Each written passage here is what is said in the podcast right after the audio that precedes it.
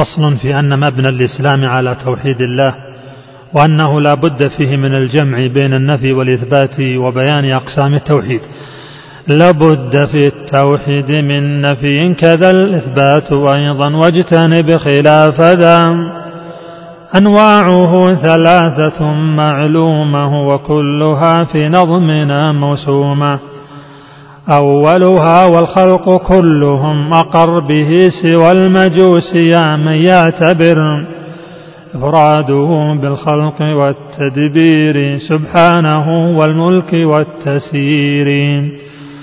وبالربوبية ذا يدعونه توحيد إثبات كذا ينونه.